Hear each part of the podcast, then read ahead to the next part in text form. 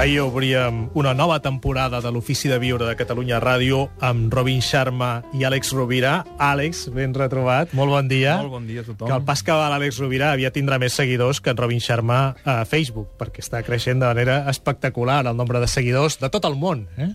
El, el que tenen les xarxes és, és això, que, que de sobte te n'adones que per la teoria dels 6 graus d'Stanley Milgram, que la va, la va proposar fa molts anys, però que estem tots connectats i que de sobte un dia t'escriu algú d'Austràlia o algú, ara ho dèiem fa un moment, no? de, de, o de Vietnam o de Turquia, i és, és impressionant. És la tecnologia ben aplicada és una eina de transformació social i de consciència extraordinària.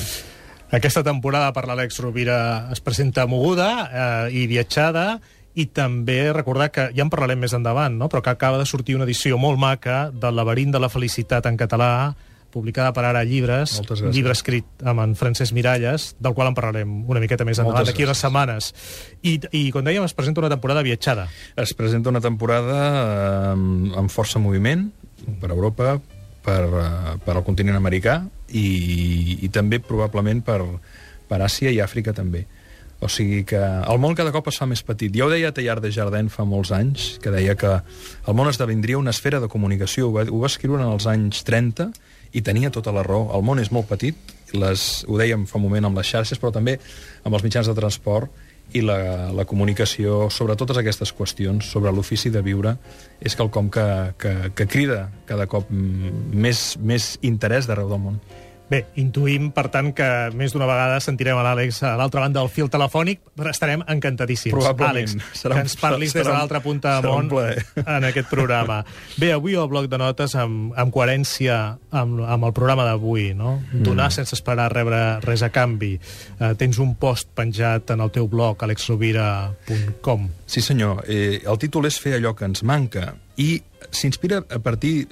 Es podria dir que és un koan, però també és un relat molt breu. I personalment saps que m'agraden molt els aforismes i els relats, i aquest diria que és dels meus preferits perquè el trobo deliciós. Diu que el deixeble li va dir al mestre, «Mestre, estic molt desanimat, què puc fer?»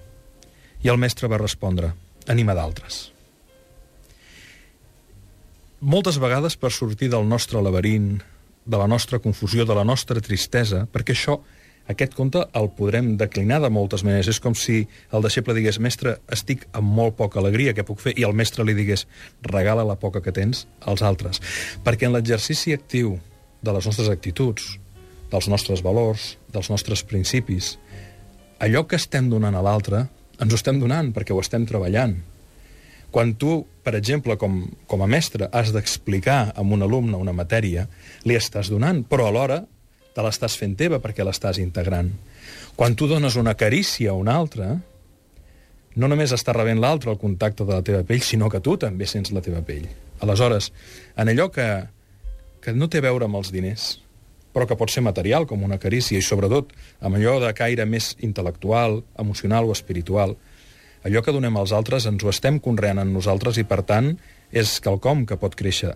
Som molt més eh, del que imaginem amb la mesura que fem, perquè probablement estimar no només és voler, és tenir cura, lliurar-nos als altres, és comprendre intel·lectualment, mentalment, i és inspirar a partir de l'emoció.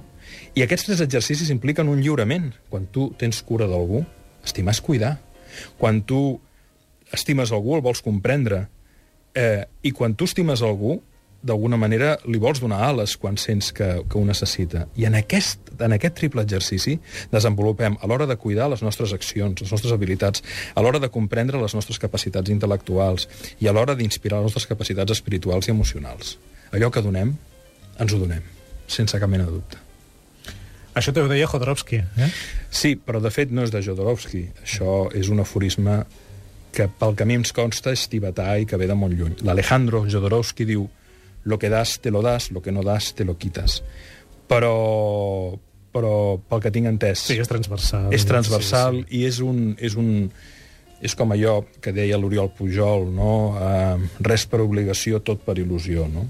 però hi ha determinats aforismes que, form, que formen part de la saviesa universal. I estic segur que, per exemple, ara em venia al cap que amb una lectura en profunditat del, de Lee King em fa l'efecte que podria estar la font original uh, d'aquest aforisme. Àlex Rovira, moltes gràcies. Ben tornat a l'Ofici de Viure. Fins diumenge. Que tinguis molt Un bona plaer, setmana. Una abraçada a tots.